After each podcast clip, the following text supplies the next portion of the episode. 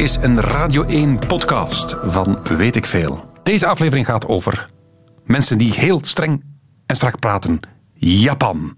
Konnichiwa. Radio 1. Weet ik veel? Goedemiddag, we beginnen vandaag met een les. 1.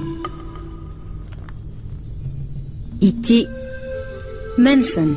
Mensen. 認証 Niet zo. ik, ik. Watashi. Watashi. Ik en jij. U luistert, dames en heren, naar een les Japans. Wij beiden. Wij beiden? Watashitachi.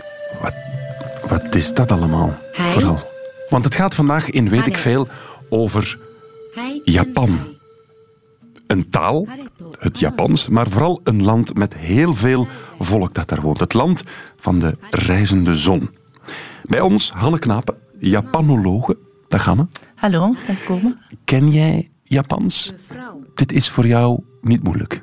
Ja, dat is niet zo moeilijk. Dat zijn basiswoordjes. Ja, maar het klinkt verschrikkelijk moeilijk voor mij als niet-kenner. Een gezin. Ja, ik denk dat het gemakkelijker is om te leren dan Chinees bijvoorbeeld, omdat je het Ja. gewoon met je eigen stem kan spreken. Oké? Dus er zitten geen tonen in Ja? Ehm, wat Japans heel moeilijk maakt, is ehm, het schrift. Dus de, de Chinese tekens, hè, die kanji-tekens. Ja? En ook de, de beleefdheidsvormen. Dus afhankelijk van de persoon met wie je spreekt, moet je een beleefdere vorm gebruiken. Ah, het is niet alleen zoals in het Frans, vous en tu. Nee, er is Veel nog ingewikkelder. veel dan- ingewikkelder. Ja. We gaan nog eens even luisteren waar we zitten in de les. hier. 彼はここにいます。そして彼女はここにいます。 Dat is toch niet uit te spreken? Wij zijn hier. Wij zijn hier, voilà. Ja. Jullie zijn hier. Hanna, jij bent er voor ons te helpen. Je gaat van pas komen. Welkom dat u... Welk, nee, wacht. Fijn dat u luistert. Zeer welkom bij Weet ik Veel. Welk van beide is een rijstdrank? Raki of sake? Eh, uh, Saskia? Raki. Nee. Sake. Sake, dat is een Japanse rijstdrank. Hè? Is raki geen Griekse wijn? Jawel, raki is Grieks, sake is Japans. En daar gaat het vandaag over in Weet ik Veel. Over Japan, het land met Hanne Knapen. Japanologe, heeft dat gestudeerd aan de KU Leuven en heeft ook in Japan gewoond. Ja, ik heb in totaal vijf jaar in Japan gewoond. Ja? Dus toen ik nog studeerde, toen ik nog Japanologie deed, ehm, heb ik één jaar in Osaka eh, gewoond en Ja? gestudeerd. Dat was een extra jaar. En ik vond het daar zo leuk. Dus ik ben teruggekomen. Ik heb mijn masterthesis eh, afgewerkt. En ik vond het daar zo leuk dat ik terug wou gaan. In Osaka. Nee, ik ben naar Kyoto gegaan. Aan Kyoto, de stad die we kennen van de milieunormen. Ja, Is daar ook iets te beleven? ja, ja. Dat is denk ik de fijnste en de mooiste stad van Japan. het Misschien bij uitbreiding wel van de wereld. Ja. Wauw, Ja, hoezo? Dat is echt... eh, ehm, daar, daar hangt een internationale sfeer. Er zijn heel veel conferentiecentra uit het Kyoto-protocol. Dus internationaal heeft die stad eh, wel belang. Er is een heel belangrijke universiteit, Kyoto University, Kyoto Universiteit, waar ik heb gezeten. Ehm, de natuur is ongelooflijk mooi. Dus Kyoto is omgeven door bergen. Je kan daarin gaan, gaan stappen. Ehm, en, en dan zijn er heel veel tempels. Ja, ik kan, ik kan niet zeggen hoeveel, maar meer dan 100 tempels die je kan bezoeken. Er loopt een rivier door de stad, daarlangs is een park, dus dat is ook heel mooi. Ehm, en, en er is een heel goed uitgaansleven ook. Ah, Ja, nu zijn dat we er. Nu zijn we er. Ben je ooit in Kobe geweest, de stad? Ja. Is ja. waar? Kobe, is het er ja. mooi daar? Ehm, Is het Kobe of Kobe? Kobe, Kobe. ze. Ja. Oké. Ja. Mooie stad? Ehm, ja, dat is een Europese stad. Daar hebben de Europese handelaars gezeten. Dat is een havenstad. En daar staan nog altijd die oude gebouwen van zo 18e, 19e eeuw, toen de handelaars, eh, ook uit Nederland, daar woonden en Duitsers. En er zijn heel veel gebouwen in, in Europese stijl. Dat is heel speciaal, dat is apart. En vooral een prachtige naam. Dat was een vlam op je. Goed, we gaan het dus over Japan hebben. Je bent er geweest, je hebt er gewoond, je kent dus de Japanse cultuur door en door. Of is dat toch moeilijk als buitenstaander? Ehm, ja, het, het blijft, je blijft altijd buitenlander. Toch? In, ik denk het wel, ja. Je, je- Ook, je ehm, bent er nooit bij gaan horen? ehm, bij gaan horen. Ik wist altijd dat het tijdelijk was dat ik daar woonde. Hè, van zodra dat mijn doctoraat aan, aan- in Kyoto aan de universiteit af zou zijn, wist ik dat ik terug zou komen. Ehm, ik heb nooit echt die wil gehad om daar echt bij te horen. Dat is misschien anders voor mensen die trouwen met een Japanner, en hè, daar gezin en zo stichten. Ehm, een voordeel, ik ben vrij close ehm, gekomen bij Japanners, omdat ik ook de Japanse taal sprak. Dat is een groot verschil. Ze spreken eigenlijk niet heel goed Engels. Ik denk dat dat, ondertussen ben ik al vijf jaar terug, ik denk dat dat nog altijd niet echt eh, veranderd is. Ja, ja, het blijft een eiland, ze blijven gesloten. Ja. Ik vond het vooral, ik ben er voor op één, een, een programma dat ik gemaakt heb, in Tokio geweest. En de cultuurshock vond ik vooral de taal. Omdat je, ze spreken heel moeilijk Engels daar. Ja, ja. In, in Tokio valt het mee, maar ik neem aan buiten de steden dat dat echt geen Engels is. En je begrijpt dus niks van die taal, want dat is Ja, een soort geen- tekenschrift. Ja. Er zijn geen linken. Nee, echt. nul. Dus op restaurant bestel je maar wat. Hè. Ja. Er zijn wel buitenlandse woorden die zij op zijn Japans uitspreken. Dus bijvoorbeeld ehm appelsiensap, dus orange juice. Ja. Zij gebruiken die Engelse term, ze zeggen dan orange juice. Dus dat, dat zou je dan wel kunnen bestellen. Als je dan Het, het feestje party is ook partij, party. Party. Ja, ja Ja, inderdaad. Dus er zijn een paar Engelse woorden die ze overnemen. ja. maar niet allemaal. Nee. Dus je kan er niet afkomen met Engels, een Engelse woord en zo wat Japans uitspreken. Dat gaan ze niet per definitie begrijpen. Oké, we gaan eh, de uitzending opbouwen aan de hand van wat clichés. Want, wat denken wij over Japanners dat ze zich allemaal te pletter werken? Dat ze een ijzeren discipline hebben, dat ze van 's ochtends tot 's avonds werken met hun wit hemdje aan, hun propere broek en allemaal hebben ze hetzelfde. Klopt dat? Ehm, Japanners, of ze, ja, ze werken vooral heel lang. Ze werken heel veel uren. Oké. Ze moeten aanwezig zijn in het bedrijf. Het bedrijf is enorm belangrijk. Ehm, om een voorbeeld te geven, er is een begraafplaats op Koyasan, dat is een berg ehm, in de buurt van Nara. En eh, dat is een enorm eh, kerkhof. En daar op veel van de graven staat de naam van het bedrijf. Wat blieft? Op, Dus ze hebben echt. Ja, die toewijding aan het bedrijf is enorm. En ehm, dus, zij, er, er wordt, dus ook, ook het bedrijf is eigenlijk sociaal, biedt sociale zekerheid. Er zijn amper ontslagen. En, en ja, dus er wordt ook verwacht dat zij, dat zij ehm, enorm veel tijd daar doorbrengen. Het, de hiërarchie is ook heel sterk. Dus je kan nooit naar huis gaan als je zin hebt om vijf of zes uur, zolang je baas nog op de werkvloer is. Ah, de baas bepaalt wanneer de mensen naar huis kunnen gaan. Ja, ja, en naar huis gaan, in plaats van naar huis gaan, gaan ze nog liever eerst naar, naar ehm, de bar. Dus eerst nog gaan drinken. En dan rond 11, 12 uur met de laatste trein kunnen ze naar Dan huis pas. gaan. Ja, ja. En om laat Dat is- beginnen ze s ochtends vroeg? Ehm, dat kan rond 9 uur. Dat is niet... Ah, oké, dat is niet om zes uur s ochtends zitten ze er al. Nee. Misschien moeten ze wel opstaan om zes uur s ochtends om er op tijd te geraken. Want ze wonen dan ook vaak in van die satellietstadjes rond Tokio of Osaka. Ja? Ze moeten al vroeg eh, de trein op om op tijd er te geraken. Je hebt er zelf gewerkt. Zijn ze efficiënt? Want veel uren spenderen op het werk is één ding, maar efficiënt zijn is nog een ander ding. Ja, het is vooral belangrijk om daar te zijn en te tonen dat je aanwezig bent, te tonen dat je werkt. Inhoudelijk heb ik verhalen gehoord dat ze dus soms minder efficiënt zijn en Toch? soms ook wel, ja. Ehm, bijvoorbeeld, een eh, vriend van mij die werkte in Osaka voor een fietsbedrijf, fietsonderdelen. En ehm, hij moest voor elke mail die hij moest sturen de toelating krijgen, het ja-woord van zijn bazin. Uitzonderlijk was een vrouw, die manager daar op de, op de werkvloer. Maar zij moest dat doen voor iedereen. Dus, elke mail die vertrok moet, Ja. goed, moet goedgekeurd worden. Ja, en meer dan 9 van de 10 keer was het, was het goed, kon hij dat gewoon sturen. Maar soms moest hij natuurlijk, omdat hij dat moest doen bij iedereen, Mhm. moest hij dagen wachten. Dus dan kan je de efficiëntie wel in vraag stellen. ik. Heb ooit gehoord dat het toegelaten is om daar een dutje te doen op je bureau. Omdat dat eigenlijk een teken is dat je al heel hard gewerkt hebt. Eh, ja, er wordt openlijk geslapen, ja. Fantastisch, hè? Heerlijk. Ja, ja, Dat zouden we hier eens in België moeten proberen. Dan, dan is het kot toch te klein. ja, Maar dat is dan blijkbaar een teken van... Amai, die mens heeft al hard gewerkt. Terecht dat hij een dutje doet. Ja, ja dat, is iets, dat is iets heel vreemd. Ik ben daar nooit aan gewoon geraakt. Dus ook toen ik ehm één keer per maand moesten wij op de universiteit ons werk voorstellen. Het is een algemene vergadering. En dat was één namiddag. Dat was van één tot vijf of tot zes. Hè. En dan zaten alle proffen aan één kant, als een soort jury. Hè. En ehm, dan moesten zij luisteren. En dan waren zij om beurt aan het slapen. Nee. Ja, maar zij werden wel na de, na de spreekbeurt die wij gaven wel ineens wakker om een paar vragen te stellen. Dus ik weet- denk niet dat ze echt diep in slaap waren, want ze werden wel op tijd wakker. Maar ik vond dat heel raar. Ik dacht, dat is ook maar één keer per maand dat we dit doen. En dan, ja, dan gingen de, de oogjes toe. Een volgend ding dat ik gelezen heb, dat in een bepaald bedrijf in Japan de, de snelheid in de gangen moest boven de 6 kilometer de wandelsnelheid. En je werd ook geflitst als je te traag wandelde, want dan zou het rendement niet gehaald worden.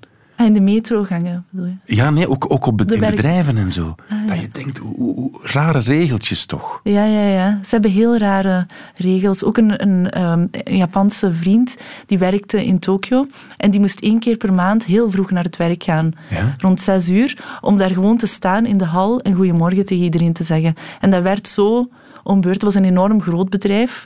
Dus hij moest maar één keer per maand. Er, was genoeg, er waren genoeg werknemers. Hè, Iedereen moet om- dat eens doen. Iedereen moet dat eens doen, ja. En hij vond dat totaal absurd. Hij is dan in New York gaan werken. Ehm, maar dat zijn ja, een soort van ja, regeltjes die geen enkel nut hebben, Nee. zoals wij dat zien. Hè. En Radio Taizo, s ochtends vroeg, dat is het dansje om kwart over negen. Ah, Dan ja. moet iedereen meedoen ook, hè? Ja, dat zijn een soort stretchoefeningen s'morgens. Ja. Ja. Dat is misschien nog niet zo slecht. Nee, maar dat zijn toch allemaal dingen dat wij ons hier in België niet kunnen voorstellen. En waardoor we misschien het idee hebben dat die Japanners allemaal toch een beetje gestoord zijn. Klopt dat of niet? Of is dat van ons een beetje racisme? Wij zien dat volledig vanuit ons perspectief. Hè. Ja. Ik denk, ik denk eh, ja, dat is hun, hun cultuur is. Ja, dat is volledig. Dat is volledig ehm, dus zo, zij passen binnen de groep. Niet, niet, en, en daar ook zo weinig mogelijk vragen over stellen. Dus wat de groep doet, doen we mee. Ja. ja. Er wordt niet gerebelleerd. Eh, nee. Ja, Zeker niet op de meestal. werkvloer waarschijnlijk. Ja. Ik moet er nu aan denken, maar waar was dat nu weer? Dat was in Tokio. En, en, en de bedrijfsbadge was ook een stappenteller. En je moest dan elke dag ook je bloeddruk laten meten op het bedrijf om te zien of je wel op gewicht bent gebleven. Want het bedrijf werd beboet als de werknemers te dik waren. Ah ja.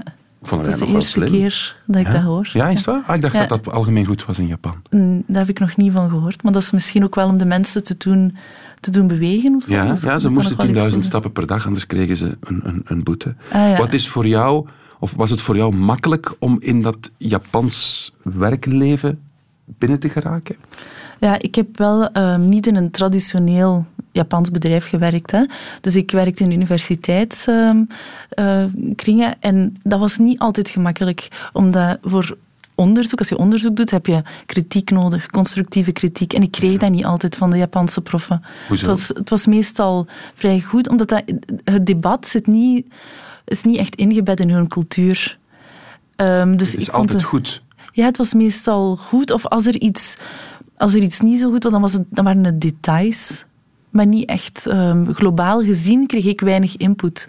ja. Dus ik heb mij dan eigenlijk gericht tot een Indische prof en een Duitse. En die hebben mij, daardoor heb ik het tot een goed einde kunnen brengen. Denk ik. En is dat dan omdat ze geen nee mogen zeggen of omdat ze geen kritiek mogen leveren uit, Ja, volgens dat de is traditie? zo of- weinig. Dat doen ze zo, zo weinig. Het is meestal zoeken naar, naar consensus. Eigenlijk een ander voorbeeld over de werkvloer. Dus eh, stel nu dat ik volgende week dat er een algemene vergadering is en ik heb een bepaald plan. En ik weet al op voorhand dat er mensen niet eens gaan zijn met dat plan.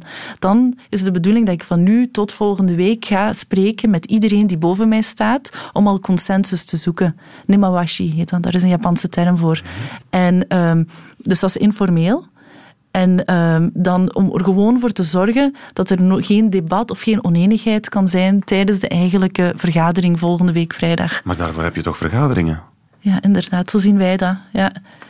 Maar ze- en, dat, en dat is ook heel tijdsrovend natuurlijk om dat te doen, om naar iedereen toe te stappen. Hè, en ervoor te ja. zorgen dat er een akkoord is. En was het moeilijk als vrouw? Is het een, een mannenwereld? Ik heb dat nooit zelf gemerkt, maar ik heb dat wel gezien bij mijn Japanse collega's. Dus eh, die zitten aan Kyoto Universiteit, dat is een hele goede universiteit. Die doen daar doctoraat, die zijn heel intelligent, die spreken vaak ook goed Engels en zo, zeer capabel. En eh, de kans is heel groot dat eens als ze gaan trouwen, dat ze dan niet meer gaan, zeker een paar jaar niet werken. Oké. En, eh, en of misschien na een paar, na drie jaar of zo, als het kind dan naar de kleuterschool kan gaan, dat ze dan part-time gaan werken. Dus het is wel de bedoeling dat vrouwen eerder het gezin kiezen in plaats van de carrière. Ja, dat is jammer genoeg nog altijd zo. Maar word je daar als vrouw naar waarde geschat? Of heb je het gevoel dat er toch een soort seksisme heerst? Ehm, ja, ik heb dat zelf nooit zo fel...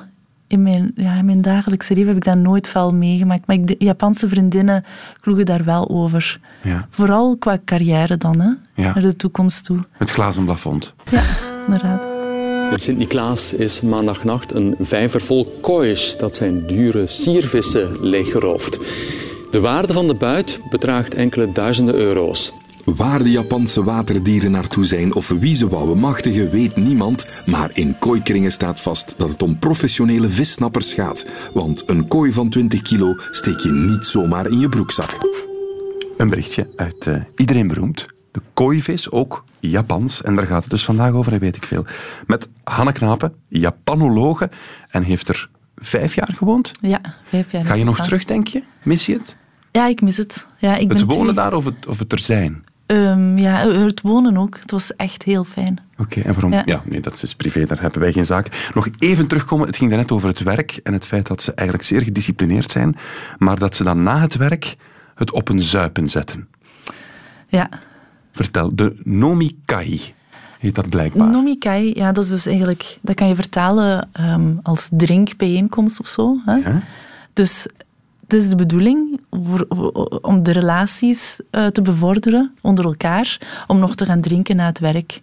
En dan kunnen ze ook loskomen. Hè? Elke avond. Dat, is, ja, dat hangt van bedrijf tot bedrijf af. Maar misschien is dat ondertussen al een beetje aan het veranderen, dat dat iets minder vaak is. Maar dat is toch nog wel dat is heel gebruikelijk. Ja. En is het echt op een zuipen zetten of is het gewoon elegant nog iets gaan drinken? Een thee bijvoorbeeld? Er mag veel gedronken worden. De Japanners zijn eigenlijk graag zat. En, en openlijk zat zijn is ook geen schande. Oké, Ja. Ik heb ehm, toen ik in Osaka, dus het eerste jaar dat ik in Japan woonde, gewerkt in een Japanse bar. Ja. En dat was op vrijdagavond. En daar kwamen Japanners dus ehm, rond een uur of acht, negen ehm, binnen, binnen eh, gestrompeld. Ze waren dan meestal al in een andere bar geweest. En eh, daar kwamen ze dan whisky drinken. Dus wij hadden een, er was een glazen kast en daar stonden allemaal flessen in. En het bedrijf had meestal al een fles gekocht. Dus daar ging dan een gouden plaatje aan, Panasonic. En dan wist ik van de, de werknemers van Panasonic komen. Dus we halen de, de Panasonic whisky fles. boven. Ja. En het bedrijf betaalt dat dan ook allemaal? Ja, ja, dat kostte heel veel, zo'n fles. Hè. Dat is nog een ideetje voor de VRT, zeg. De VRT-fles. Het zal rap leeg zijn, vrees ik. En eh, de bedoeling was dus dat ik ervoor zorgde, ik werkte daar met andere buitenlandse meisjes, dat het glas altijd vol was met half water. Ze drinken meestal geen pure whisky. Dus als je, je mixt met water en ijs. En, ehm, en dan, ja, we moesten met hun praten. De legende wil ook dat die heel snel dronken zijn ook. hè. Ja, dat is denk ik biologisch zo. Ja, die kunnen er niet goed tegen. Ja. En beginnen ze dan echt karaoke te zingen allemaal? We hadden daar een karaoke-machine, ja, dat doen ze heel graag. Ja. Als ze gedronken Dus, hebben of ook gewoon bloednuchter? eh, Ja, misschien liever als ze gedronken hebben. Oh, heerlijk, heerlijk. Het is een aflevering op basis van clichés. Daarnet ging het dus over ze werken zich te pletter. Dat cliché klopt wel, ook al zuipen ze zich dan blijkbaar ook te pletter na het werk. Het volgende cliché is... Japanners hebben een ongelooflijke fascinatie voor robotten en voor technologie. Klopt dat? Ja, Dat dat is is zo. helemaal waar. Ja. En hoe vertaalt zich dat?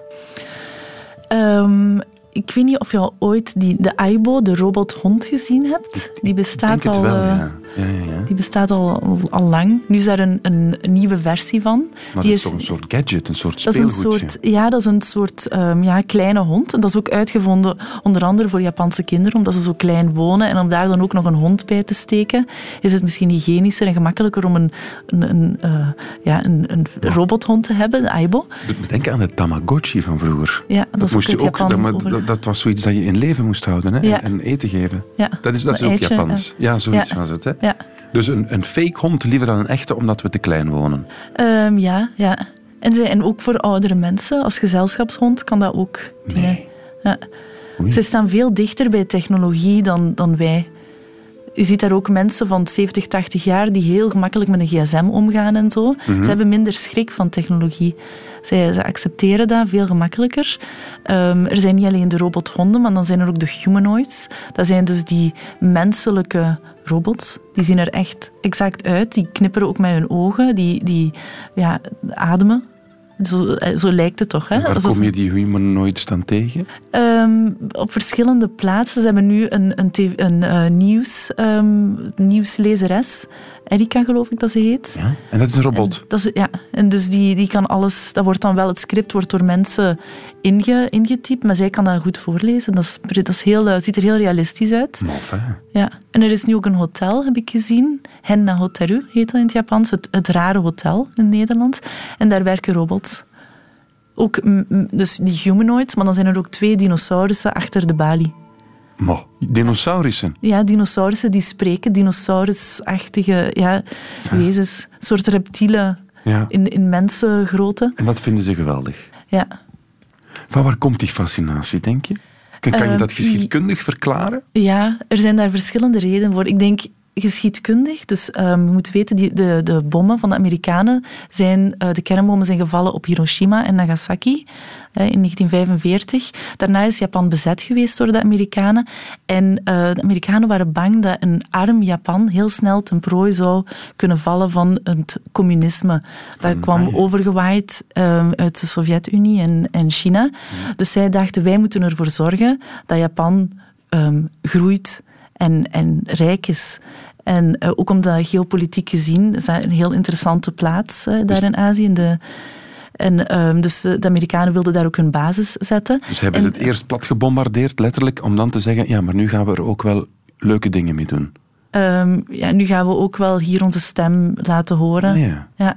Ze, hebben ook, eh, ja, ze hebben ook politiek en zo invloed gehad. Maar belangrijker nu is dus dat zij die, de patenten voor eh, radio, eh, tv, auto's en zo gewoon gegeven hebben aan de Japanners. Dus je moet je dan inbeelden dat Japan enorm gegroeid is. Zeker jaren 70, 80. En eh, dat zij dat te danken hebben aan technologie, aan automatisering. Ja, alle zo Toshiba-toestanden, dat in, zeker in de jaren 90, made in Japan, dat was echt een kwaliteitsmerk. hè. Ja, ja, ja. Japanners kunnen ook heel kwalitatief eh, werk leveren. Zij konden ook die, die radio's en zo uit elkaar halen. Reverse engineering heet dat. En, en dan echt zoeken naar hoe kunnen we het beter maken. Zo het echte detailwerk. ja. Daar zijn zij goed in. En blijkbaar heeft dat ook wortels in de rijstcultuur. Dus om rijst te produceren moet een heel dorp meewerken. En dat is heel, ehm, ja, heel gedetailleerd werk. Dat is anders dan aardappels rooien hier. Wat, wat hier misschien meer in onze... Zeker, Het ruwere werk en het daar het ja, fijnere. Ja, dus dat zit al in hun cultuur. En ehm, ja, dus dat is geschiedkundig, een van de redenen. En ook de regering heeft altijd enorm ingezet op technologie. Ook de populaire cultuur. ehm, daarin zie je heel veel robots terugkomen. Dus zij groeien daarmee op. Er zijn robots gelijk Astro Boy, ik weet niet of je die kent. Ehm, er is Doraemon, dat is een soort blauwe kat. Dat zijn allemaal robots. Dus zij vinden dat heel normaal. Oké. En dan ook, misschien interessant, ehm, het Shintoïsme. Dat is de, de oergodsdienst van Japan. Shintoïsme. Ja. Ah, ik dacht dat het boeddhisme was daar. Nee. Boeddhisme is ook een van de godsdiensten. Ja. Oké. Ehm, de echte, ja, de oergodsdienst is dan het Shintoïsme en dat is een animistische religie. Dus zij geloven dat er een ziel is in een berg, een boom, een rivier, maar dat kan ook in een theepot zitten. Dus als een theepot al generaties meegaat, dan kan je die niet zomaar weggooien, want die heeft ondertussen een ziel gekregen. Dus dat is, dat, en op die manier geloven zij ook dat zo'n Aibo-robothondje, Dat er echt een, ziel in ja, zit. Daarom worden die ook begraven op speciale... Die krijgen een soort begrafenis. Als de batterij plat is, dan... Ja, dan is die eigenlijk dood. Och, en dan Ja, als, die, die... als die niet meer werkt, is die, de batterij kan opgeladen worden, maar het- soms is het nu eenmaal zo dat die op een bepaald moment ja, de geest geeft. Dan En dan is er effectief een, een ceremonie om het robothondje te begraven. Ja, ja, ja. En misschien ook wel tranen die dan, die dan vloeien. Dat is toch een beetje raar allemaal. Klopt het dat de treinen daar echt op de milliseconde nauwkeurig ook rijden? Dat dat ook een deel is van hun technologie, dat ze dat kunnen? Eh, ja, ja. De bullet train heet De dat. bullet train, ja, dat, zijn die, dat is eigenlijk een soort van Thalys, denk ik, die, die wij hier hebben, of TGV. Maar dan veel beter. Hè. Dus eh, nog, nog sneller. ehm het heeft een speciale aerodynamische snuit. Kan enorm. Dus de, de afstand tussen ehm, Tokio en Osaka is ongeveer 500 kilometer. Dat duurt met die bullet train eh, iets meer dan twee uur. Binnenkort nog maar een uurtje. Wauw. En ik heb eigenlijk nooit treinvertragingen meegemaakt daar. Zeg dat nog eens? Ik heb nooit treinvertragingen meegemaakt. Nog, nog Ja. één keer, gewoon als een soort ideaalbeeld. Zeg het nog één keer. Treinvertragingen bestaan niet in Japan.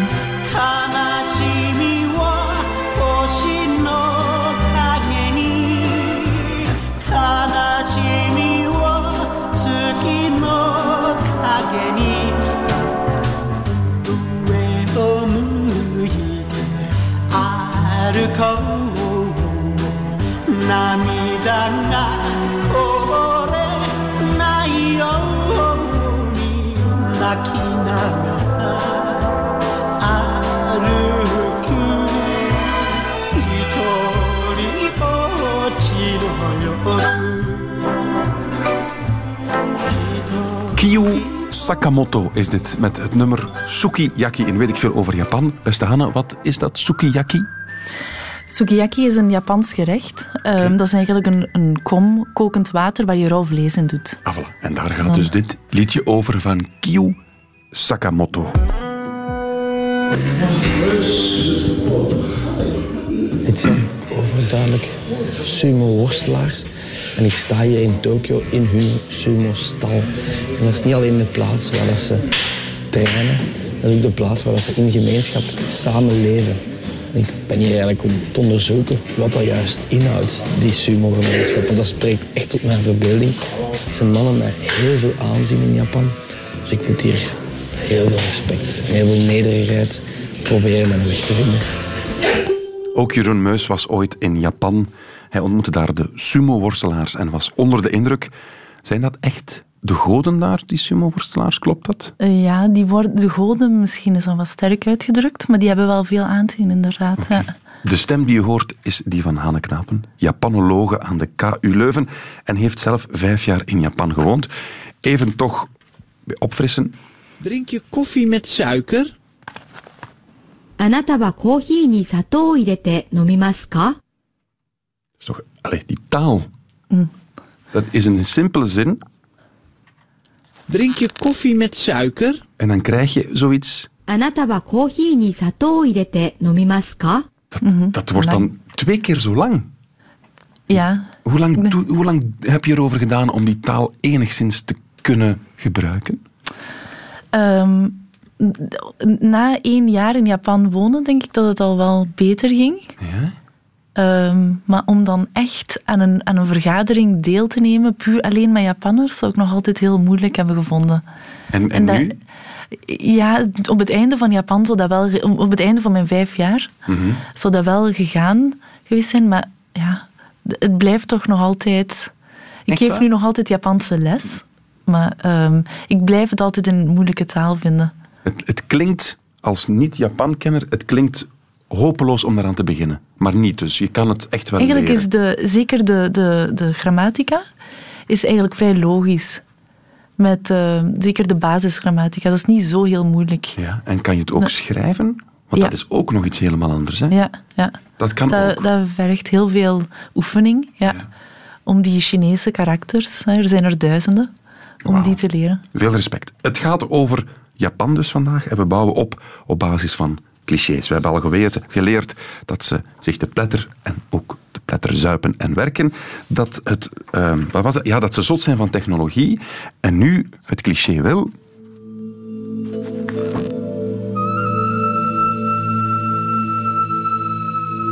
Dat Japanners heel traditioneel zijn.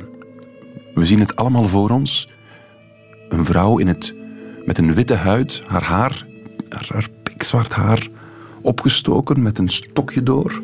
En dan een, een rood gewaad met een mooie strik. Vooraan of achteraan, dat ben ik nu even vergeten. Achteraan. dat Achteraan. zijn, ja. En dan van die zeer ongemakkelijke houten sloefjes, Getta, ja. getta, Ja, daar. waarmee ze zo wat tik, tik, tik, tik schuifelen. Ja. Is dat een, een, een soort toeristisch beeld? Of klopt dat ook? Ja, dat zijn de geisha. Dat De was, geisha, ja. ja. Ja. Een leerling geisha zijn maikos. Die zie je soms nog in de straten van, van Kyoto vooral. Mhm. Ehm, maar ja, die, die zorgen voor entertainment. Vooral van de Japanse zakenmannen die daar dan naartoe kunnen gaan s'avonds. Een soort prostitutie-achtig? Nee. Meestal niet. Ze zijn, ehm, zij in hun opleiding, nu dat is wel iets van, van vroeger, hè. dat was zeker 200 jaar geleden of zo heel sterk. Hè. Ondertussen is dat, leeft dat iets minder. Want vroeger moesten zij hun leven daarvoor opgeven. Werden zij echt verkocht. Een Japans gezin kon dochter verkopen aan een geisha-huis. geisha. Ah, ja, ja. En zij werden dan opgeleid. Want zij moeten in staat zijn om een, een interessant gesprek te voeren over kunst. Zij moeten een instrument kunnen bespelen. Dus zij zorgen voor entertainment, maar op zeer verfijnde Ah, wijze. Dus eigenlijk helemaal ver weg van prostitutie. Meer echt gezelschapsdame op niveau. Ja, dat kon ook soms wel. We zijn daar ook gevallen van, van prostitutie ook wel. Ja, toch, toch, Ja. toch. En ehm, die cultuur, hè, dat, dat, dat kleden, dat verzorgde, ook een theeceremonie. We hebben het vorige week nog over thee gehad hier, dat dat ook daar toch wat allemaal wat begonnen is. Die, dat traditionele, dat ceremoniële, zit dat nog altijd vandaag de dag in die maatschappij? Ehm, ja, zij vinden tradities en ritueel heel belangrijk. Mhm. En je merkt dat voortdurend. Ook de jongeren nog altijd. Dus ehm, ja, de theeceremonie is één eh, voorbeeld. Bijvoorbeeld bij nieuwjaar is het heel belangrijk om Hatsumode, om naar de tempel te gaan en met de bel te, te rinkelen. Dus wat de is tempel, de betekenis daarvan, van, met de bel? het, het nieuwe, ja, dat weet ik niet juist, het nieuwe jaar inluiden. Oké. Ehm, letterlijk dan. Eh, ja, en, en voor die tradities hangen ook vaak samen met de natuur Mhm. en met de tempels. De tempels. Ja, dat is, dat is heel belangrijk. En zij, dus we hebben het al even gehad over Shintoïsme. Mhm. En ehm, er, zijn ook, er zijn heel veel Shinto-tempels, er zijn heel veel boeddhistische tempels. En tegelijkertijd zie je ook kerken, christelijke kerken. En afhankelijk van de fase waarin dat zij zich bevinden in het leven, gaan zij gebruik maken van een van die, van die tempels. Bijvoorbeeld, ehm, als een vrouw ehm, zwanger is, dan gaat ze naar de Shinto-tempel om daar te bidden. Of als student moet deelnemen aan een heel zware toelatingsexamen van de Japanse universiteit, dan gaat hij naar de Shinto-tempel. Als er iemand sterft, dan maken ze gebruik van de rituelen van de boeddhistische tempel. En als ze trouwen, dan hebben ze een, een Japanse ceremonie. Maar sommigen kiezen er dan ook voor om tijdens die dag ook even in de kerk te trouwen. Met liefst een Amerikaanse priester, Oké, die dan in het Engels wauw. ehm, Dus ze staan wel open voor invloeden, maar het traditionele blijft wel heel belangrijk. Het buigen vond, ook, vond ik ook iets heel fascinerends. Ja, dat je, ja. je maakt geen contact met elkaar, Nee, nee. enkel op de metro, omdat het zo druk is, maar voor de rest... hè, Ja, als je geen keuze hebt. ja, dan, Ja. en dan moet je ja, ja, je handen aan de zijkant van je heup houden, zoiets. Ja. En dan zo een, ja, hoeveel graden? Niet, Hangt, er, Ja, hangt ervan af, Ja, van, dat was het. van ja. hoe hoog dat de persoon... Maar er zijn daar ook richtlijnen voor. Dan kan je thuis oefenen voor de spiegel. Met, afhankelijk van wie... eh, als het een CEO zou zijn van het bedrijf, dan ga je echt 90 graden. 90 graden. Ja, echt heel Ik heb een diep. dubbele hernia, dat wordt een probleem. Ja, En, en stel nu, wij kennen elkaar niet. Ja, nu wel, maar daarnet een uur geleden niet. Hoe zouden wij elkaar dan begroet hebben in Japan? Ehm, Met een lichte buiging dan? ja, een, ja, dat kan een... Ja. En als ik dan onmiddellijk zeker bij geen jou... 90 graden, want... Ja, Wat zou dat dan, hoe zou dat overkomen als ik bij een wildvreemde ineens opeens 90 graden zou, zou buigen? nee, dat is wel overdreven. Een beetje vreemd. Misschien, ja. En wanneer? Ja, dat is toch moeilijk om in... Dus je voelt, dat, je voelt dat zelf een beetje aan van... Dit is een 10 graden, maar die persoon die krijgt 20 graden van mij. En, en, en zo bouw je op. Ja, ja, ja. Ze leren dat al van als ze heel jong zijn. Maar dat is ook wel... Ik was eens met Japanse vriendinnen in, in Korea. We zijn daar vier dagen op reis gegaan. En op het einde ging er één al terug. Die moest al om de een of andere reden vroeger doorgaan. En dan bogen wij gewoon naar elkaar. En ik vond dat heel vreemd, omdat wij zo close... Ook tijdens die reis. Dus hè, geen knuffel, geen zoen, niks. Nee, nee. En dat vond ik toen wel ja, ergens jammer, dat, dat, zo, dat er zo weinig fysiek contact is. Ja, ja, ja. Ja, ja. En het, het, het danken, de twee handen voor de mond houden. Ja, zo, ehm, ja. Of nee, nee, voor- niet voor de mond. Niet voor, ja, een beetje lager. Ja.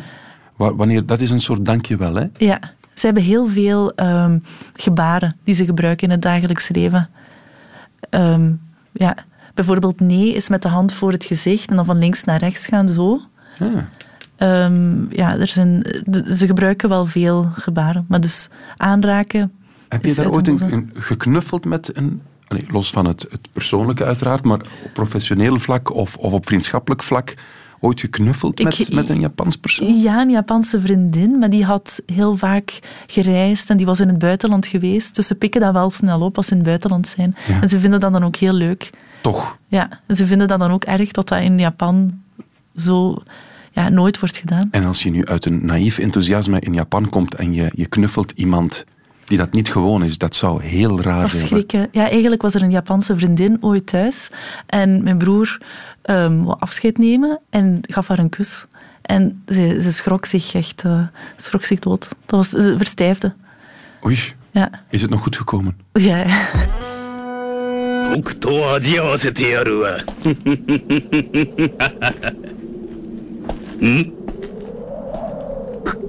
ここの野郎ふざけやがってうんあ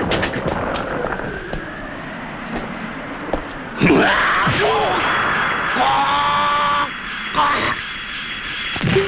Een fragment uit een eh, manga-filmpje op YouTube hebben we dat gevonden. Want het gaat over Japanners met eh Hanne Knapen, Japanologe en vijf jaar in Japan gewoond. Eh, het gaat er al over dat ze hard werken, dat ze traditioneel zijn, dat ze houden van technologie, wat we eigenlijk allemaal wel al wisten. Maar wat blijkt, na het werk durven ze zich wel eens uitleven, zetten ze het op een zuipen, wat al in fel contrast staat met dat zeer plichtsbewuste overdag.